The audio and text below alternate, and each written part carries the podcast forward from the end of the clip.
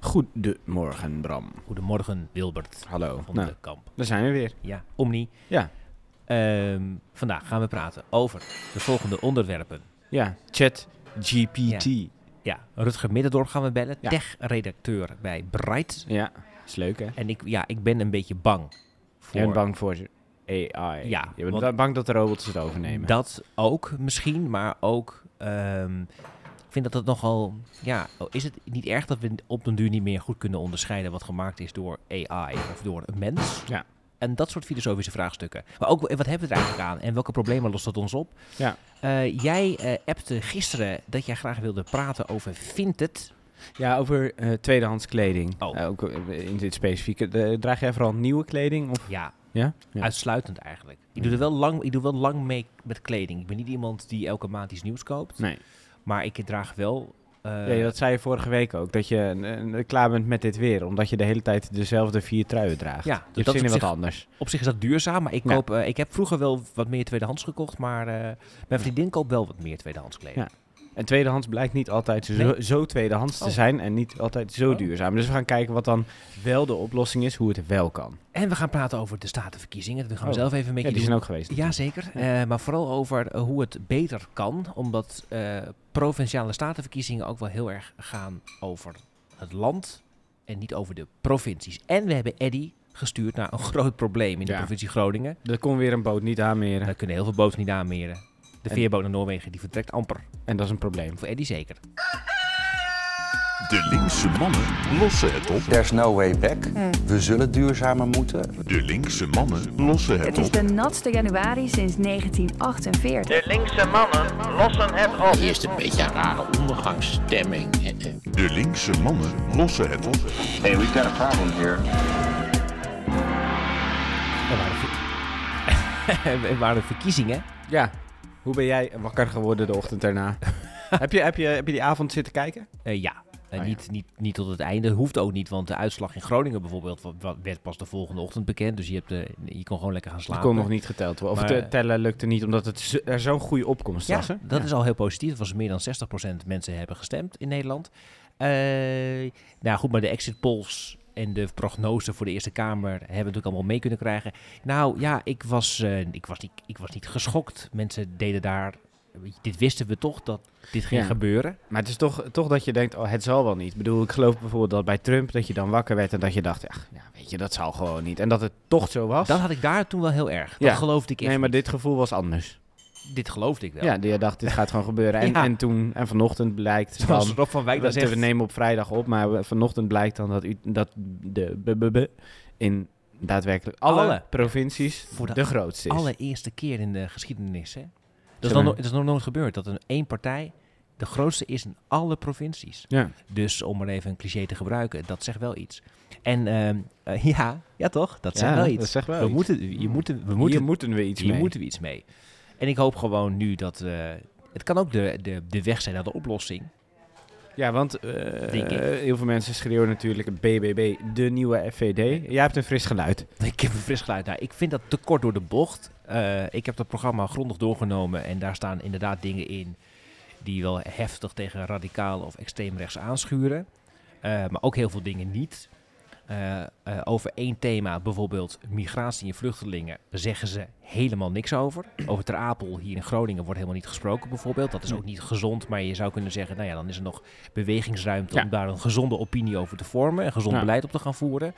Ehm, eh, dus ik vind het gewoon heel plat als je dat nu beschouwt als de nieuwe Forum voor Democratie. Want dit is een stem volgens mij die heel erg gaat over mensen die zich niet gerepresenteerd voelen door Den Haag. Ja. Veel meer nog dan bij Forum. Ja. En die zeggen, ja, ik heb een boerenbedrijf in bijvoorbeeld Overijssel. Je bent iets kwijt ondertussen. Ja, ik dacht, waar zijn mijn sleutels? Maar die vind ik straks wel weer. Prima. Oh, die zit Eh, in mijn jas natuurlijk, die hangt daar. ja. Goed. Maar ik, ik ben opeens, opeens kreeg ik zo'n aanval. Heel leuk. Ik ben overal bezig slaan op je met een lichaam. politieke analyse, maar jij, ja, goed ik, zo. ik ben er nog bij. Ga maar door. Goed. en, eh, eh, eh, Nee, het is gewoon de stem van mensen die... Nou ja, ja. ja. en, en, en, en- nou, BBB representeert dan die boeren Overijssel, waar ze echt monsterzegens hebben geboekt natuurlijk. En volgens mij, ik hoop, ik hoop van harte, maar dat zal op dit moment heel naïef zijn, dat in heel veel provincies zijn, eh, zijn ook GroenLinks en PvdA gelukkig ook eh, aardig. En zeker samen met Partij voor de Dieren Ja. ook groot geworden. Hè. Dat, zijn Ja. eigenlijk de dat zijn eigenlijk de vier partijen die het goed hebben gedaan samen met Volt. Dus je kan Het kabinet zeggen, krijgt er van langs. Dat Ja, scheelt in ieder geval. dus re- rechts, zeg maar, of eh, ja, wat is dan, ja, het is boerenrechts heeft het heel goed gedaan, om het maar zo plat te zeggen. En eh, jij gaat ook wel een beetje hand naar de jingle toe. Wat is het? Ik voel me enorm kort in alles vandaag. Nou zeg, Ja, ga maar door. Ik ga Ik niet gelijk naar de jingle. ik heb maar ik geen- denk, volgens ik mij heb komt er, geen- ja, er hand komt gaat zo naar de meteen een jingle. heel, er komt zo meteen een heel mooi moment, denk ik heb ik. geen Er ruimte. komt, er komt denk ik zo meteen een heel mooi moment. En dan doe ik een bumpertje. En dan ga ik zeggen, dan ga ik het erover hebben dat die provinciale statenverkiezingen toch misschien wel wat beter kunnen. Ja, dat is nou, gewoon een heel mooi ik glijbaantje goed. richting de eerste Prima, bellen. nou, ik wil alleen nog zeggen, ik hoop heel erg dat en dan eh, eh, links en dan dit boerenrechts, ja, eh, samen tot een oplossing komen. Nou, prima. De linkse mannen lossen het op. Ja, nou, ik hoop toch dat je eh, gedurende deze uitzending eh, je nog wat meer gezien voelt. Ehm, eh, maar, eh, want eh jij hebt ehm, je hebt goed je best gedaan, eh, goed- heel, heel knap. Je hebt allemaal mensen geregeld voor deze uitzending. Oh, ja. Bijvoorbeeld Casper Albers. En, eh, Casper, eh, die, eh, eh, die kennen we in ieder geval van zijn eh, goede tweets. En, en, en het probleem dat we met, eh, met hem gaan bespreken is eh, dat die provinciale staatsverkiezingen ja, eigenlijk een soort van landelijke verkiezingen light lijken te zijn. Dat dat misschien wel anders kan. Zeker. Toch? Eh, dat is exact wat we met hem gaan bespreken. En eh, goed om te zeggen dat hij ook nog hoogleraar toegepaste statistiek is aan de Rijksuniversiteit Groningen. Ook dat nog. En dat hij strijdt voor de Volkskrant. Hallo, Casper. Goedemorgen. Goedemorgen. Eh, ja, ehm, die statenverkiezingen die zijn natuurlijk heel aardig, Casper. en de waterschapsverkiezingen. En de waterschapsverkiezingen ook, maar die laten we even voor, voor, nu voor wat het is. Eh, Wilbert, met Geen idee permissie. wat de uitslag is Nee, dat eigenlijk. horen we ook pas volgende week trouwens. Oh. Dat hoor je wat later. Ehm, eh, alleen, we lezen ook veel en we horen veel. Ja, eigenlijk zou het anders moeten worden georganiseerd. Want het gaat wel heel erg veel over de landelijke partijen. Ehm, dus is er minder aandacht voor de provincies. En er worden allerlei suggesties gedaan. Hè, want jij bent geen politicoloog, maar je bent iemand die kijkt naar statistiek. En er wordt bijvoorbeeld gezegd, nou ja, als er... ehm, nou, eh, eh, dat de provincies het nu afwisselen. Dat er gewoon per provincie verkiezingen zijn eh, en niet tegelijkertijd meer. Maar toen kwam jij met een stuk in de Volkskrant en toen zei je... ja, maar dat is ook best problematisch als je kijkt naar de data. Want waarom is dat niet een goede oplossing? Ja, dat is op zich een heel interessant idee. En ik had een stuk gevonden van Inge van Dijk, een CDA-kamerlid, die zei van, nou ja, misschien is dit wel leuk. En het bleek eigenlijk dat tot 1983 was dat ongeveer hoe de Eerste Kamer eh, gevormd werd. Want dat, toen was het land opgedeeld in vier regio's. En elke regio had haar eigen verkiezingsmoment en stemde ongeveer eh, Ja. 18, 19, 20 Eerste Kamerleden. eh. en het probleem een beetje als je het opsplitst per provincie. Enerzijds is dat eh, ehm, dan de opkomstpercentage een stuk lager ligt. Dat, dat wil je ook niet. Maar het grote probleem is eigenlijk ook. Dan moet je opeens per provincie gaan zeggen. Deze provincie krijgt zoveel zetels. En eh, voor een grote provincie als Zuid-Holland kan dat misschien. Als je daar kijkt naar het inwoneraantal, dan hebben die geloof ik recht op 15,8 zetels. Nou ja, als je dat afrondt naar Voor de 16, Eerste Kamer, ja. Dus dan, ja, ja, Ja. voor de Eerste Kamer inderdaad. Ja. Als je dat afrondt naar 16, dan, dan zit je er eh, behoorlijk dichtbij. Dat zit wel goed. Maar de kleinere provincies of provincies met minder inwoners, daar lukt het een stuk lastiger. Zeeland die zou bijvoorbeeld 1,6 zetel krijgen. Nou, dan ken ik wel iemand die 0,6 slim is. Dus, dat, Ja, ja, dus dan nee. zou je dat kunnen doen, maar misschien Die is dat niet... misschien wel. Maar ja, nee, maar dat, dat, dat laat zich gewoon niet makkelijk afronden zonder dat je ze of veel te veel of veel te weinig invloed geeft. Ja. En daar komt dan ook nog bij, als je tegen de Zeeuwen zegt van, goh, uiteindelijk mogen jullie maar twee mensen afvaardigen naar eh, de Eerste Kamer. Ja, ja, ja. Ja, dan, dan gaan allemaal partijen nog meer fuseren. Hoe dit, eh, GroenLinks, PvdA zijn nu op allemaal plekken de grootste of ene grootste geworden. Alleen maar omdat ze samengegaan zijn. Maar ja, al- als je met twee mensen mag afvaardigen, dan gaan opeens allemaal rechtse partijen dat ook doen. Dan gaat ja 21 bij VVD, CDA misschien ook. Bij links komen SP en PVD. Ja, maar is dat Partij niet... van de ja, Dieren ja, maar erbij. een tw- twee partijen zou je, stelsel. ja, maar je zou ook kunnen zeggen, Ja. er zijn, dat zou, dan- kijk, wel, ik snap het probleem, want eventjes nog eh, even één stap terug. Hè, dus zo met, voor de mensen die eventjes toch een klein lesje hoe het werkt moeten hebben. eh, de, de provincies kiezen zo meteen de eh, Eerste Kamerleden. Zo eigenlijk in, in, dat gaat trouwens het, beetje het model zoals het ook in de Verenigde Staten trouwens is georganiseerd. Getrapt, inderdaad. Ehm, en dan is het zo, als jij GroenLinks eh, kandidaat bent, dan kies je ook voor een GroenLinks eh, Eerste Kamerlid. Dus dat is altijd bijna één op één. Het gevaar, zeg jij, is dus als je dat uit elkaar trekt, dat er op die manier weer andere politiek kan worden bedreven. Exact. Ja. Dan, dan, dan wordt er opeens eh, eh, ja, toch behoorlijk andere politiek bedreven. En nou, dat kan, die keuze kan je maken. Je krijgt inderdaad een soort eh, Brits of Amerikaans systeem. En dat hoeft niet verkeerd te zijn. Maar je gooit wel het hele politieke systeem veel meer om. En eigenlijk de enige reden waarom je dat doet, is omdat we met z'n allen steeds klagen dat er Ja. eh, in op 1 en bij Jinek alleen maar landelijke figuren langskomen. Ja. we kunnen ook met z'n allen gewoon besluiten, we kijken niet naar die dingen en we kijken wel naar RTV Noord of eh, ehm, RTV Rijnmond of welke lokale zender Ja. we ook hebben, naar de lokale debatten. Maar je zegt ook, en dat is, je, je zegt iets over, eh, eh, dan zou je kunnen krijgen dat heel veel partijen met elkaar gaan fuseren. eh, juist om een grotere vinger in de pap te krijgen. Maar, en dat lijkt dan, hè, jij, Wilbert zegt, dan krijg je zo van twee partijenstelsel. Dat is misschien onwenselijk. Maar je kan ook zeggen, er doen zoveel partijen mee aan die provinciale verkiezingen. En er doen zoveel partijen ook weer mee straks aan de Tweede Kamerverkiezingen. Wordt het niet tijd dat er überhaupt ehm, wat minder versplinterd wordt? En moet die kiesdrempel ook niet wat omhoog? Ja, dat, dat, dat is op zich een andere discussie. En ik denk dat dat niet per se hoeft, omdat je ook op een andere manier eh, ehm, het land kan besturen of een provincie kan besturen of wat dan ook. Eh, en, en deels zal dat nu ook wel moeten, omdat ja, de coalitie heeft geen meerderheid meer. En het is prima mogelijk voor de coalitie om te zeggen van we gaan per onderwerp kijken hoe kunnen we een meerderheid van de volksvertegenwoordigers achter ons krijgen. En dat ze bijvoorbeeld zeggen, nou op klimaat, stikstof gaan we linksom. Zoeken we de steun van PvdA GroenLinks, dan hebben we een meerderheid. Op migratie gaan we juist rechtsom en dan zoeken we de steun van BBB en Ja21 hebben we daar een meerderheid. En eigenlijk als je dat gewoon per onderwerp doet en per onderwerp zegt van zolang maar 38 Eerste Kamerleden en 76 Tweede Kamerleden dit plan steunen, is het een plan wat de steun van de bevolking heeft. Ja, en wordt dan, het- dan kom je ook een heel eind. Dus, wordt, wordt het daar niet ook heel ongeloofwaardig van? Want dan, dan ga je eh, als, als partij op allerlei gedachten hinken. Terwijl sommige dingen, dat, dat is wat wij hier bij de linkse man in ieder geval tegenkomen. Vooral een soort van integrale of holistische oplossing vragen. En, en door alles weer een soort van in, in, in kleine boxjes in te delen, wordt het misschien niet beter. Nee, dat misschien niet. Maar tegelijkertijd heb je natuurlijk nu wel het probleem dat heel vaak partijen, zeker nu coalities niet meer twee of drie partijen zijn, maar groter, Ja. eh, door de kiezer worden afgestraft omdat ze concessies hebben gedaan. En dat je ook gewoon kan zeggen van goh, we doen per onderwerp zoeken we meerderheden.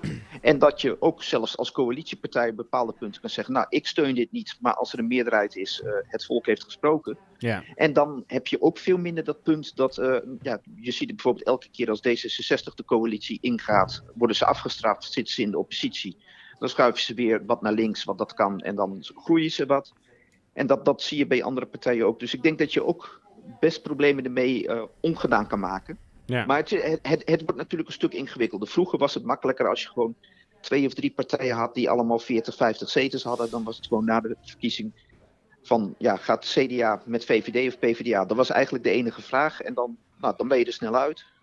Ja, maar, is, maar- dat snap ik. ja. Maar als je nu kijkt naar die, bijvoorbeeld naar de staten, hè, dus dan heb je dus eh, in heel veel van die staten krijgt, dan wordt het BBB heel erg groot. Hè, en Overijssel haalt iets van 17 zetels en dan is het CDA het tweede met drie zetels.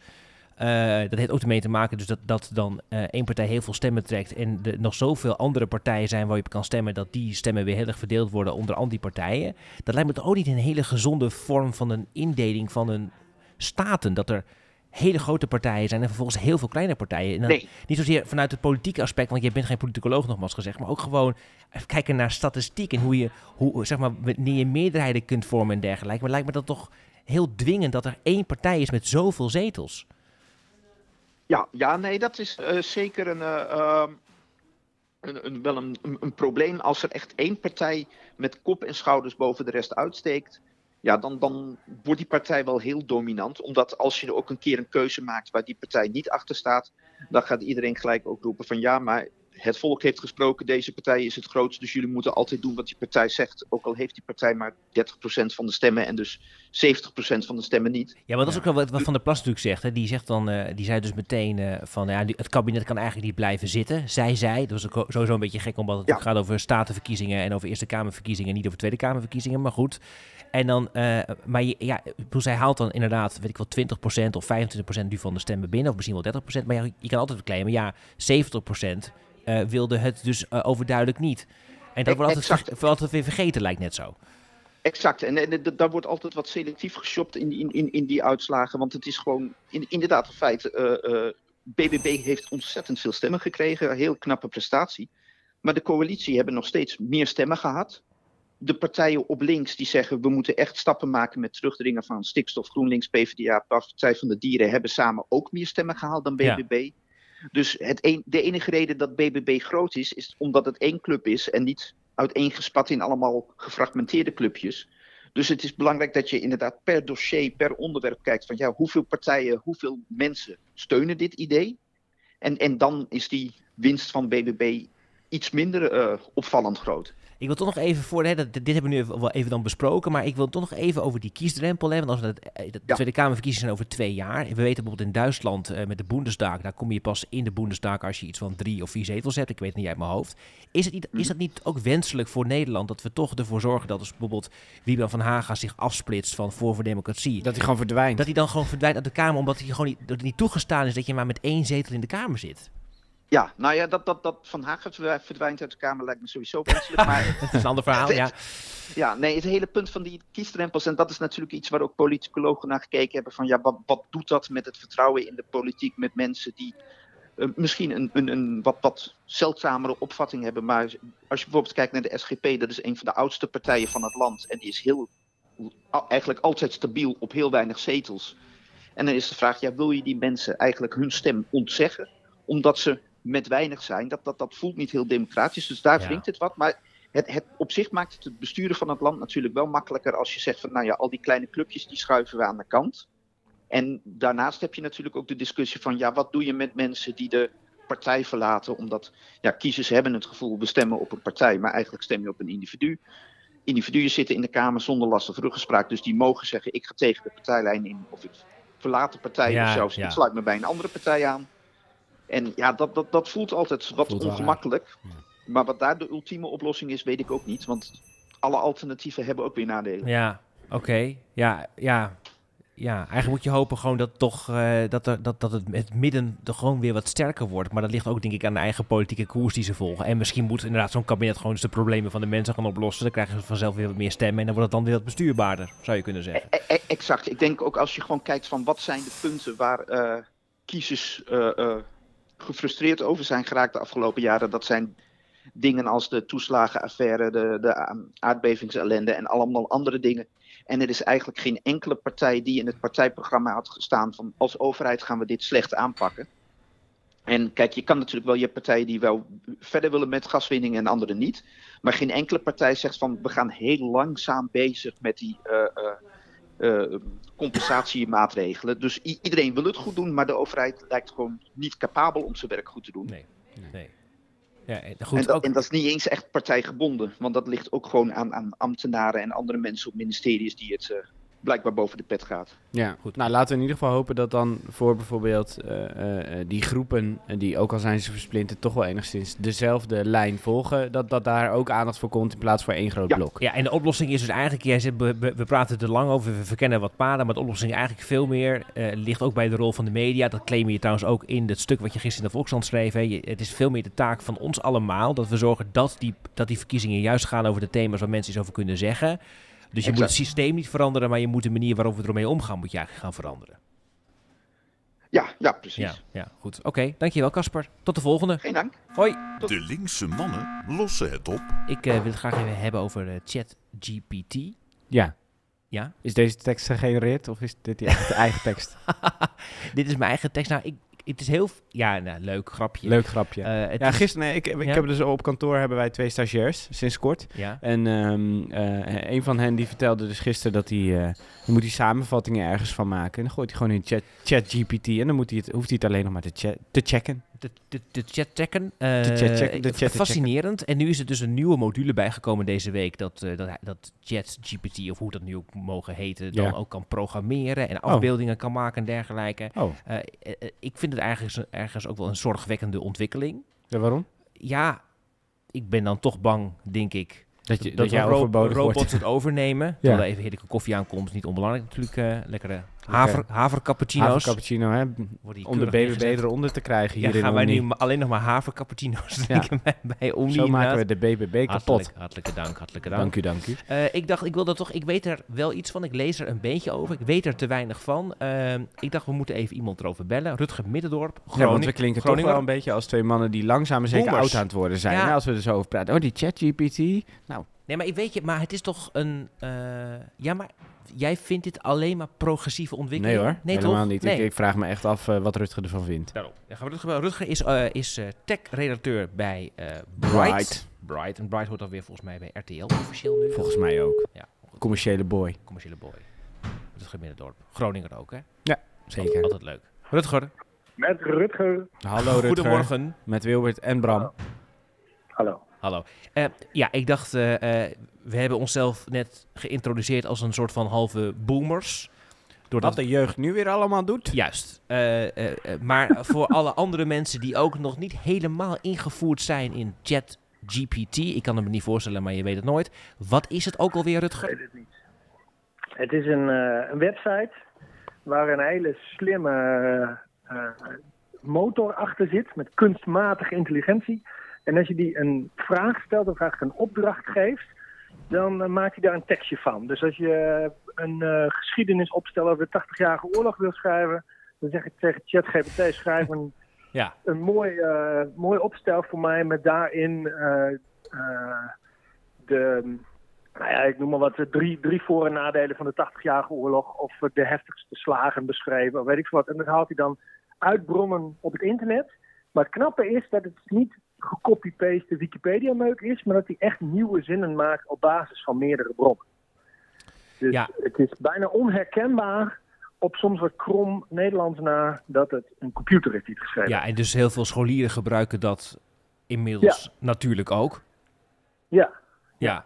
Nou, dat lijkt mij dan op, op problematisch. Maar even, daar kunnen we zo meteen nog even over praten, over de, de problemen. Maar nu was er deze week ook weer nieuws rondom ChatGPT, dat het nu ook afbeeldingen kan genereren en zelfs kan programmeren. Ja, volgens mij kon het programmeren al. Dus uh, regels code schrijven. Dan kan hij ook gewoon eigenlijk. Uh, kijk, wat die computer beter dan ons kan, is in een heleboel bronnen tegelijkertijd heel snel dingen opzoeken, daar patronen in zien en daar dus iets nieuws van brouwen. En uh, alleen dan natuurlijk zonder ziel en zonder ethiek. Dat Ja. uh, moet wel even uitgezegd worden. maar uh, nee, dat kan hij inderdaad ook. En die, dat is niet ChatGPT zelf volgens mij die die plaatjes maakt. Maar je kunt inderdaad met AI ook gewoon zeggen...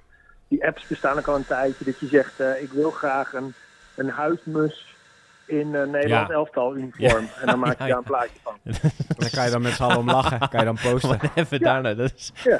een Dus huismus. dat ergens een server keihard te brommen om dat voor jou... uh, Wat zegt dat over jou dat Ja. jij dat als voorbeeld, dat als voorbeeld noemt, voorbeeld. ja, goede vraag. Goede Een vraag. huis, hoe kom je daar überhaupt? have a few days. Ja, en, maar, maar wat, ik, welk probleem lost dit voor ons op, Rutger?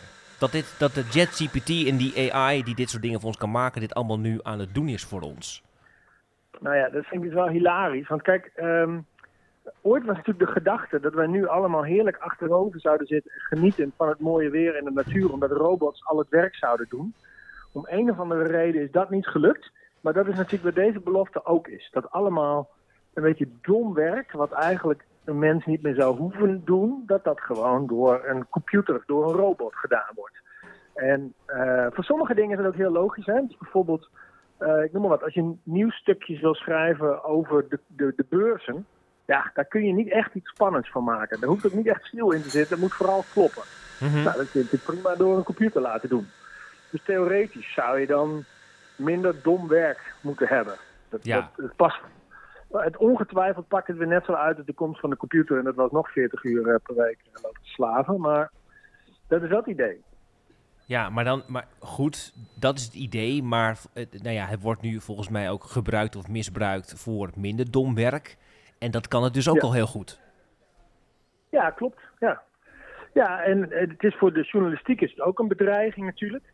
Dat eh, ja, als zo'n eh, als zo'n computer gratis en voor niks stukjes kan schrijven, waarom zou je dan een journalist inhuren die dat zo doet? Ja, want mijn zorg zit heel erg bij. Ik, ik denk, ja, dit levert toch juist meer problemen op. Want als wij niet meer kunnen onderscheiden zometeen wat geschreven is door AI of door een mens, dat lijkt me niet een wenselijke situatie.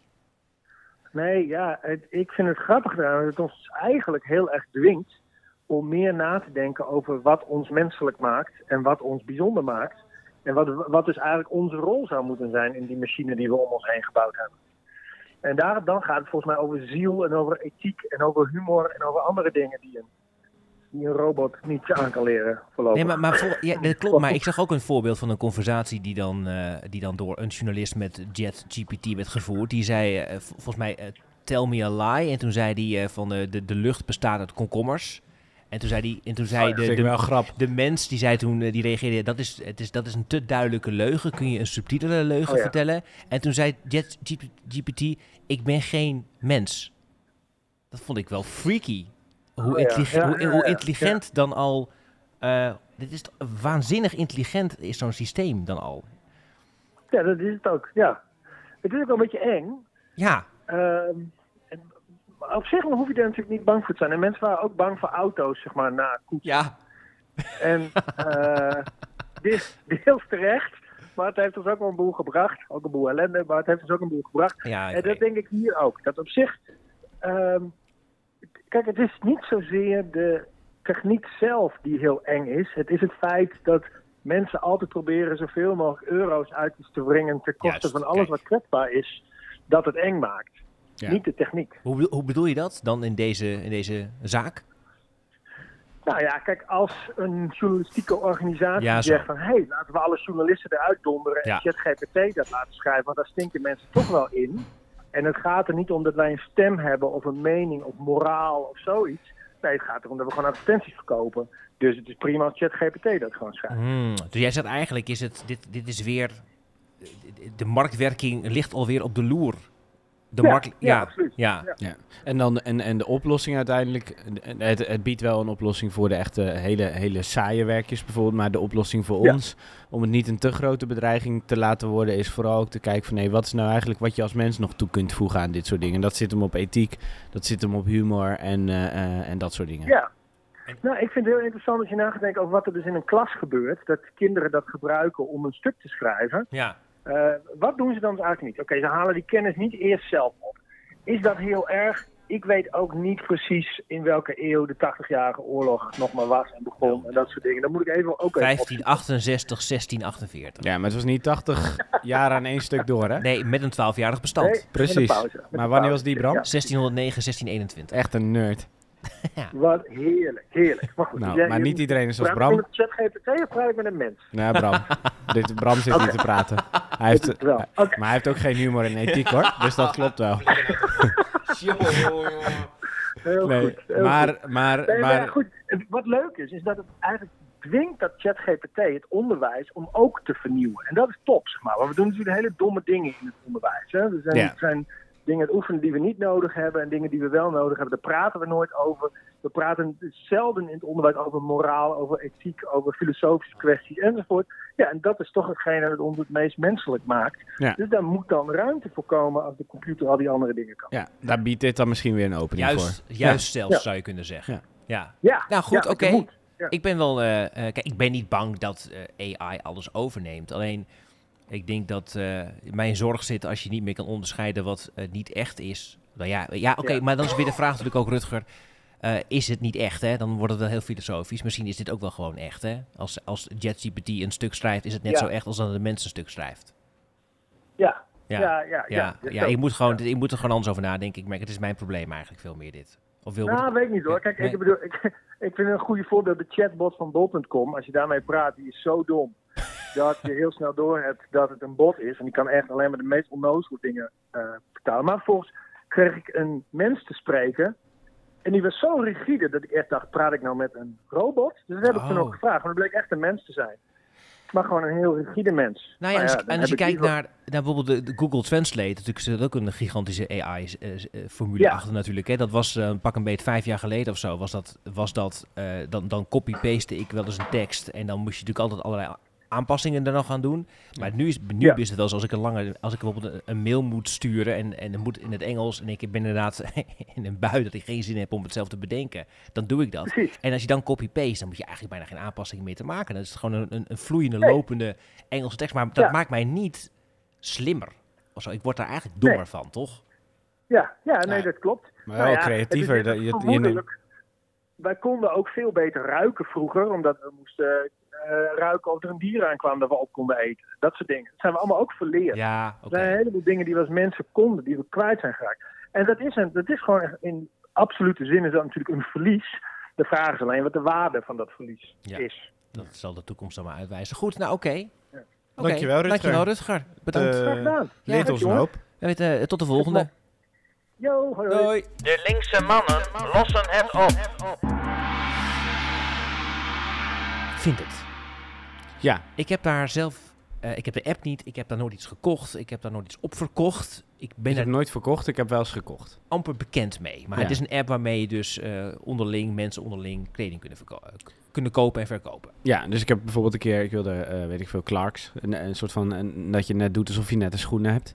En toen dacht ik, nou, die, die vind, dat vind ik zonde om eerstehands te kopen. En een keertje sportschoenen en een keertje een sportbroek en een keer een trui. Nou, en, en, en dan heb je al iets van dat merk bijvoorbeeld. Nou, dan weet je welke, welke maat je moet hebben. Nou, en dan eh, kan je dat op Vinted zoeken. En het is eigenlijk best wel makkelijk. Maar tegenwoordig doe ik dat niet zo heel veel meer. Deels omdat ik ook denk, ja, al dat, al dat geverzend, dat, Ja, al, dat, al is dat pro- dat, dat, transport dat lijkt mij dan problematisch eraan. Ja, dat, Is, dat is stom. En ik vind het leuk om gewoon naar een winkel te gaan en daar iets leuks tegen te komen. Dus ja, daarom dacht ik, Dan ga je toch weer nieuwe dingen kopen. Ja. daar gaan we zo meteen over bellen. Ja, dan gaan we eerst naar Eddie dan. Ja, dat denk ik. Ja, wel goed denk Ja, ik. ik denk het wel. Want, Want ik- eh, ja, want eh, anders zit ook qua tijd bedoel je lastig. qua tijd, maar ook. Het is gewoon heel erg leuk om te horen wat er gebeurt met boten en aanmeren. Ja, want Eddie die, eh, die wil graag naar Noorwegen, Ja, denk ik. Alleen dat is zo ingewikkeld. Want we waren zo blij in Groningen dat er een boot was die in de Eemshaven lag, die naar Noorwegen zou gaan varen. Dat doet hij ook af en toe wel, maar dat doet hij steeds minder, omdat er geen plek is in ja, de Eemshaven voor die boot om aan te meren. ja. En wel leuk trouwens dat we nu een soort van, van cliffhanger voor het belletje van straks al hebben. hè? Ja. Dat hebben we eigenlijk nog nooit gedaan. Misschien moeten we dat doen. De hele, de Een hele, teaser, ja. de hele Nou ja, uitzending vol weet- met wij- teasers. Wij thuis praten over, moeten wij niet via Vinted dingen gaan verkopen? Dus Ja. dit is voor ons, zeg maar, Het is een hele gezinsleven relevante- is dit een heel bepalend gesprek zometeen. Ja. En nu voel je thuis waarschijnlijk ook. Maar we gaan eerst naar Eddie. Eddie wilde dus heel graag MS Romantica. Met de MS Romantica naar Noorwegen varen. Alleen, eh, ja, Eddie appt net zijn reportage, Saved by the Bell. ja. Eh, alleen dat is ingewikkeld. Eddie Oethoen op reportage voor de linkse mannen. Ja, ik sta hier in Port of Christiansand, oftewel de haven van Noorwegen, waar wij hoopten zometeen met de veerboot weer naar Eemshaven terug te kunnen, maar dat gaat eigenlijk voor de zoveelste keer niet door. Nu heb ik gelukkig wel contact met de controlekamer van, op zijn Engels, Groningen Seaports. Dus kan ik aan vragen aan meneer Cluster, u eh, ja, toch wel regelmatig cancelen van die Holland-Amerika line. Waar zit dat hem in? Nou, ik zou tegen Holland-Noorway-lijn eh, willen zeggen welkom op zee. Want dat is de wereld waarin Ah. zij zich begeven. En zij willen zich op onze zeeën begeven. Ja, Maar eh, daar gelden ook eh, helaas de wetten van onze zeeën. Hè? En dat, bet- Ja. dat betekent voor mijn aanlegplek in elk geval dit. Eerst komt, eerst maalt. En dan, ja, god, dan hebben wij hier Aha. de cowboy rondvaren. En dat is eh, Wagenborg. Reederij Wagenborg. Ja, dat is een jongen die snapt dat. Hè? En die klapt Hm. hem erin als hij de kans krijgt. Kijk, eh, eh, ja, wat dat betreft, en dan zijn we ook in een maatschappij beland nou. En dat is in Noorwegen, wat ik begrijp, allemaal nog een tandje erger. En dan eten we vegetarische kip. En dan, ja, in Noorwegen. Weet je, in de Eerste Wereldoorlog zijn ze neutraal gebleven. In de Tweede Wereldoorlog zijn ze neutraal gebleven, maar wel gepakt door de Duitsers. ja, En ja, dan is het nu een land waar een vader van een pasgeborene veer- 14 weken verlof krijgt. 14 weken. Ja, weet je, ik vind het allemaal Ja. prima. Maar ja, daar creëer je natuurlijk wel een, een- een bepaald type mens mee. Waarvan je je wel kan afvragen, god, heeft hij op zee wat te zoeken? Hè? En Ja. kan hij zijn mannetje staan op zee? En, en daar heb ik bij de Noorden dus ernstig mijn twijfels over. Ja, Want als je tegen een cowboy... Tuurlijk, Wagenborg, dat is een cowboy. En dat is een harder. ja. Maar ja, hij klapt hem ervoor en je hebt niks meer te vertellen. Dus ik vraag me ernstig af bij die Noren. Heb, hebben jullie wat te zoeken op onze zeeën? Ja. B- Maar u- u kunt dus in elk geval niet zeggen of mijn veerboot binnenkort kan vertrekken. Nee, Eh, eh, Eddie, eh, het spijt me. Ik, ik kan jou voorlopig niet helpen. nee. Want ik, ik ja, kan nog even uit het raam kijken. Nee, de, de- Wagenborg staat er nog. Oké. En dus, die, die zien er niet uit of ze, of ze voorlopig weggaan. Ja. Nou, ja, dan eh, kan, eh, eh, ja, moet ik wellicht even kijken of we een auto zouden kunnen regelen om alsnog in eh, Groningen weer thuis te komen. Ik zou in elk geval willen zeggen, meneer Kluster, ik wil u danken voor dat u mij te woord stond.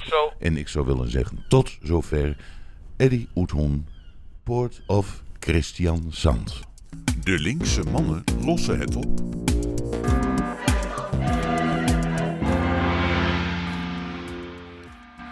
Ja, we hebben ons dan een beetje in de topografie vergist, want Eddie was dus al in Noorwegen. was Hij, al, wilde ja. terug. Ja, maar ik, wist, ik, Ja. ik heb gisteren contact met Eddie gehad. Ik wist niet waar hij was, maar hij was dus al in hij stond Noorwegen. ergens vast. Hij stond ergens vast. Ja. Nou, goed, eh, goed dat hij in ieder geval duidelijk heeft gemaakt dat eh, ja, misschien Wagenborgen toch een wat grotere rol hierin moet krijgen. Dat zou dan misschien een oplossing zijn, want die klappen hem er gewoon in. Daphne van Pasen gaan we bellen. Zij is van de Groene Amsterdammer en schreef dus een stuk over Vinted. Uh, ja, door jou samen met twee studenten. Die hebben onderzoek gedaan en zij heeft het stuk geschreven. Eh, en eh, voor ons eh, bepalend. Wat, moet- Zeker. wat moeten we ermee? Wat Daphne, moeten we ermee? Goedemorgen. Goedemorgen. Eh, ik ben Bram en tegenover mij zit Wilbert. Hallo. Hi. Nou, eh Daphne, ik zag gisteren eh, het stuk langskomen. Waarschijnlijk valt vandaag eh, het schuldgevoel in plastic, of zoals het tegenwoordig zit, in papier. eh, bij mij op de mat. En daar staat jouw stuk over, vindt het, over duurzame mode in, hè, denk ik. Het staat niet eh, in de papieren versie. Oh, het alleen is alleen online? online te lezen. Ja, Nou, precies. Nou, helaas. Ja. Dan is het ook meteen voor iedereen. Dat is wel weer fijn. Dat wel. Ja. precies. en ontzettend duurzaam natuurlijk. Heel duurzaam, Zeker. veel duurzamer dan eh, dat magazine wat, eh, wat dan weer op de tafel ligt en wat je misschien nog gaat lezen. Eh, eh, maar ehm, eh, eh, eh, eh, jij hebt eh, samen met twee studenten onderzoek gedaan hiernaar. eh, eh, eigenlijk naar Ja. Vinted. Eh, want ja, ik heb een paar keer schoenen gekocht via Vinted. Ik heb wat kleding gekocht. Maar tegenwoordig ga ik toch wel... Nou, meestal probeer ik gewoon naar een winkel hier in de stad te gaan en daar wat kleding te kopen. En, eh, Mhm. en, en dan vraag ik me natuurlijk af, eh, eh, doe ik daar eh, dan goed aan? Eh, en, en, en Bram die koopt voor, voornamelijk nieuwe kleding. Moet hij via Vinted spullen gaan kopen? Ja, dat is wel de conclusie van ons stuk, gek genoeg. Terwijl we er heel kritisch in gingen. Hè? Ja. Eh, van, eh, van, ik, ik ging zelf eh, een, pakje ophalen bij zo'n eh, afhaalpunt. En ik zag daar een enorme berg. En toen eh, zei ik, goh, eh, hij, hij was daar enorm aan het zoeken, die man van die winkel. Ja. Toen zei hij, ja, dat allemaal vintage. En toen dacht ik, wat? Weet je, is, wat, ik dacht dat ik heel duurzaam bezig was door Ja. tweedehands kleding eh, te halen. En ik eh, had het idee dat het uh, uit Nederland kwam. Jij zei vindt het maar. Ehm, wat zeg je? Jij zei vindt het maar. Het stukje. Jongen, Ja, jongen, daarom heet het zo, toch? Zo, zo adrem was ik niet, maar Nee. inderdaad. Niemand is En, zo eh, adrem, gelukkig. Nee, nee, nee.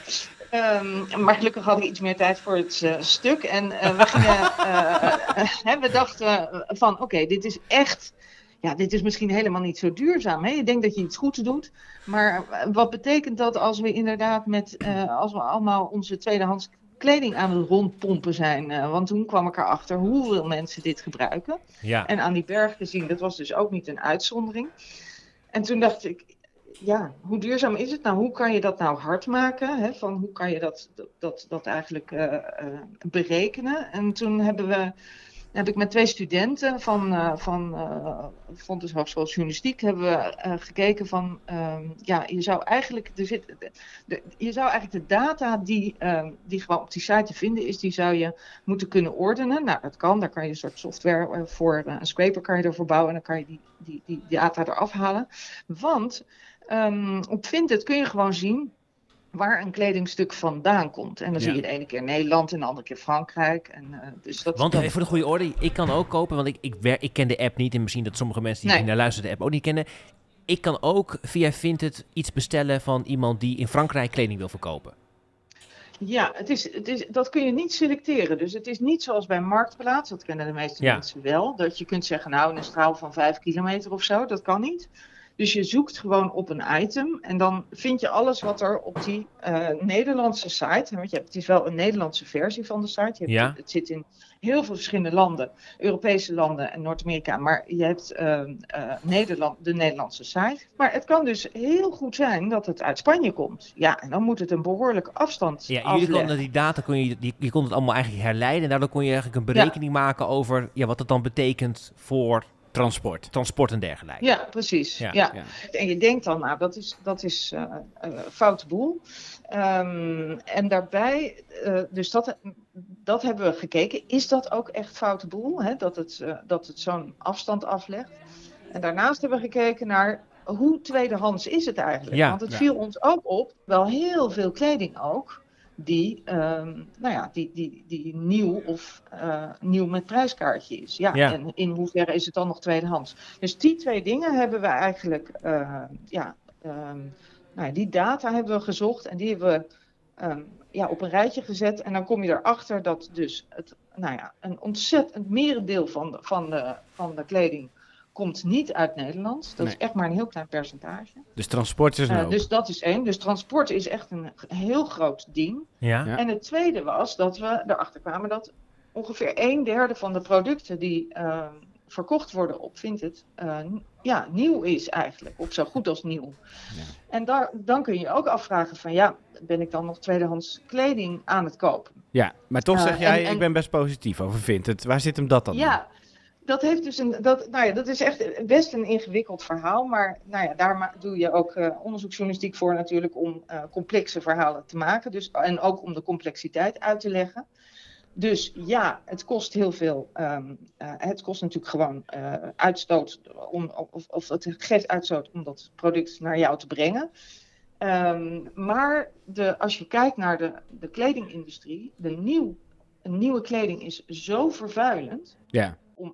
Eh, één nieuw t-shirt te kopen. Hè, het, het equivalent daarvan is eigenlijk dat je 95 tweedehands t-shirts uit Frankrijk zou kunnen laten overkomen. De kanttekening die je hierbij zou kunnen maken is dat die ehm, kleding, dat het, omdat je het kan verkopen via Vinted, dat dat ook een soort fast fashion aanjaagt. Ja, ja. Want je kunt het dus voor, eh, denk je van, nou ja, ja, oké, het is wel heel leuk voor vanavond, dat feestje. Hè? Als ik nu dit, Mhm. dit glitter eh, shirtje eh, koop, maar goed, dat heb ik verder nooit meer aan. Nou ja, dan zet ik het op Vinted. Dus je koopt het voor Hè, één dus keer. het, je koopt het voor één keer en dan verkoop je het weer. En op die manier ja, jaagt het eigenlijk ook weer de tweede, of de, de, Maar de, dat is natuurlijk fast fashion aan. Maar dat is natuurlijk weer het lastiger meetbaar, denk ik. Want dat is meer bijna sociologisch. Ja, nou ja, dat, dat is, eh, dan moet je hè, echt naar de, de, de, de, de ehm, macrocijfers kijken. En daar hebben we ook eh, deskundigen over gesproken. En die zeggen, ja,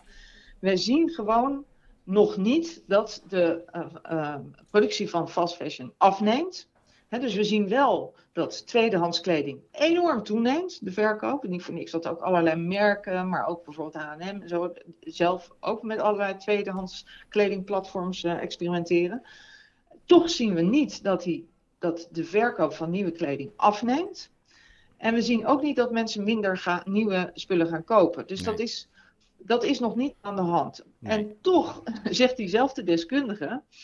ehm, het is ook zo dat het, het. Het kan ook zijn dat het een soort tussenstap is in de transitie naar tweedehands. Ja. En dat, hè, dat betekent dan eh, dat door zo- zo'n platform als Vinted maak je het wel mogelijk om voor een veel grotere groep om tweedehands te kopen. Dus het wordt veel normaler. Je, je ziet nu ook mensen die normaal nooit naar zo'n wat stinkerige tweedehands Nee. winkel zouden gaan, die dan nu wel eh, via Vinted kopen. Precies. Eh, dat Maar- als je als ja, Ja, maar, maar eigenlijk, eh, wat we moeten zo langzaam richting Ja. de afronding. Maar eigenlijk Ja. zeg je dus eigenlijk, vindt het is een goed idee. Eh, eh, misschien is die lokale eh, wat stinkerige winkel ook een goed idee. Eh, maar vindt het vooral een goed idee als je erop eh, eh, koopt, eh, wat je wat langer gaat gebruiken. En voor de rest van de mensen ja, is het misschien toch wat beter dan dat ze de hele tijd naar de H&M rennen en iets nieuws kopen. Ja, precies. Dus dat eerste is waar. Hè? Dus je, dat is echt beter dan dat je het eh, dan dat je ze in een fast fashion winkel koopt. Ja. En tegelijkertijd moeten we ook een beetje af van dat alsmaar nieuwe dingen eh, kopen. Want je, we zien ook wel dat het dat een beetje aanjaagt van ja, ik doe al iets goeds, hè, want ik koop het al tweedehands. En dat je dan nog heel veel meer gaat Ja. kopen. Ja. Terwijl we eigenlijk toch met z'n allen ook een beetje naar dat idee moeten. Nee, we moeten misschien ook af en toe veel vaker iets herstellen. Ja. eh, of wat langer met iets eh, Goed, meedoen. Dus maar we, goed. we zitten nog in de, in de We zijn in transitie met z'n allen. Ja, Maar voor mij in ieder geval goed om te weten, want dat was toch de grote vraag van mij. Vindt het kan dus eigenlijk best. eh, en ik moet minder nieuwe kleren kopen. Dus dankjewel, Daphne. alsjeblieft. Geen Doei! Fijne dag. Doei. De linkse mannen lossen het op. Ja, dat is dus toch, dat voelt toch een beetje als dat we met z'n allen niet minder vlees gaan eten, terwijl er steeds meer vleesvervangers in de winkel liggen. Precies dat. Het zorgt ervoor dat mensen in ieder geval een keertje erover nadenken en misschien een keer uitproberen en dan wellicht overtuigd En goed om te weten, volgens mij is dat wel echt de zin die bij beklijft nu. Is dat, eh, eh, dat 95 eh, keer een t-shirt uit, eh, uit, uit Parijs laten overkomen nog altijd beter is voor klimaat en alles dan één nieuw t-shirt kopen. Dat is Ja. wel echt gewoon een, ster- een sterke zin. Ik ben benieuwd wanneer Goeie jij hier in een, hele leuke, in een heel leuk vintage shirtje aankomt. Ja, dat is dan weer een andere vraag. Ja, dat gaan we zien. Eh, dat gaan we zien. Ehm eh, concluderend, dat is de conclusie voor Vinted. Ja. Eh, eh, als het gaat over de statenverkiezingen, eh, misschien niet zo moeilijk doen over allerlei systeemveranderingen. eh, maar gewoon voor zorgen dat je er meer over praat. Over waar het over gaat. Als het over gemeentes gaat, over provincies en dergelijke. En als het eh, eh, gaat over AI. Niet zo bang voor zijn, Bram Douwes. Kom wel goed. Kom wel goed, jong. Kom wel goed hoor. Ja, en volgende week ben ik eh, even eh, op vakantie met de trein. Goed van je. En we hebben wel een aflevering zoals het nu lijkt. Ja. Eh, maar hoe en wat, dat wordt nog even bekendgemaakt. Ja, maar het Eh, wordt heel leuk. het wordt sowieso spannend. En, eh, en en 29 maart is er een aflevering Juist. over versterking. Die is in ten post. Mocht je daar meer van willen weten, ga gewoon even naar de Instagram van de Linkse Mannen. Klik op de link in bio. En dan kan je daar zien wat we daar gaan doen, met wie we daar gaan spreken. En eh, dat belooft een hele interessante en mooie avond te worden. Moedig voorwaarts. De linkse mannen lossen het op.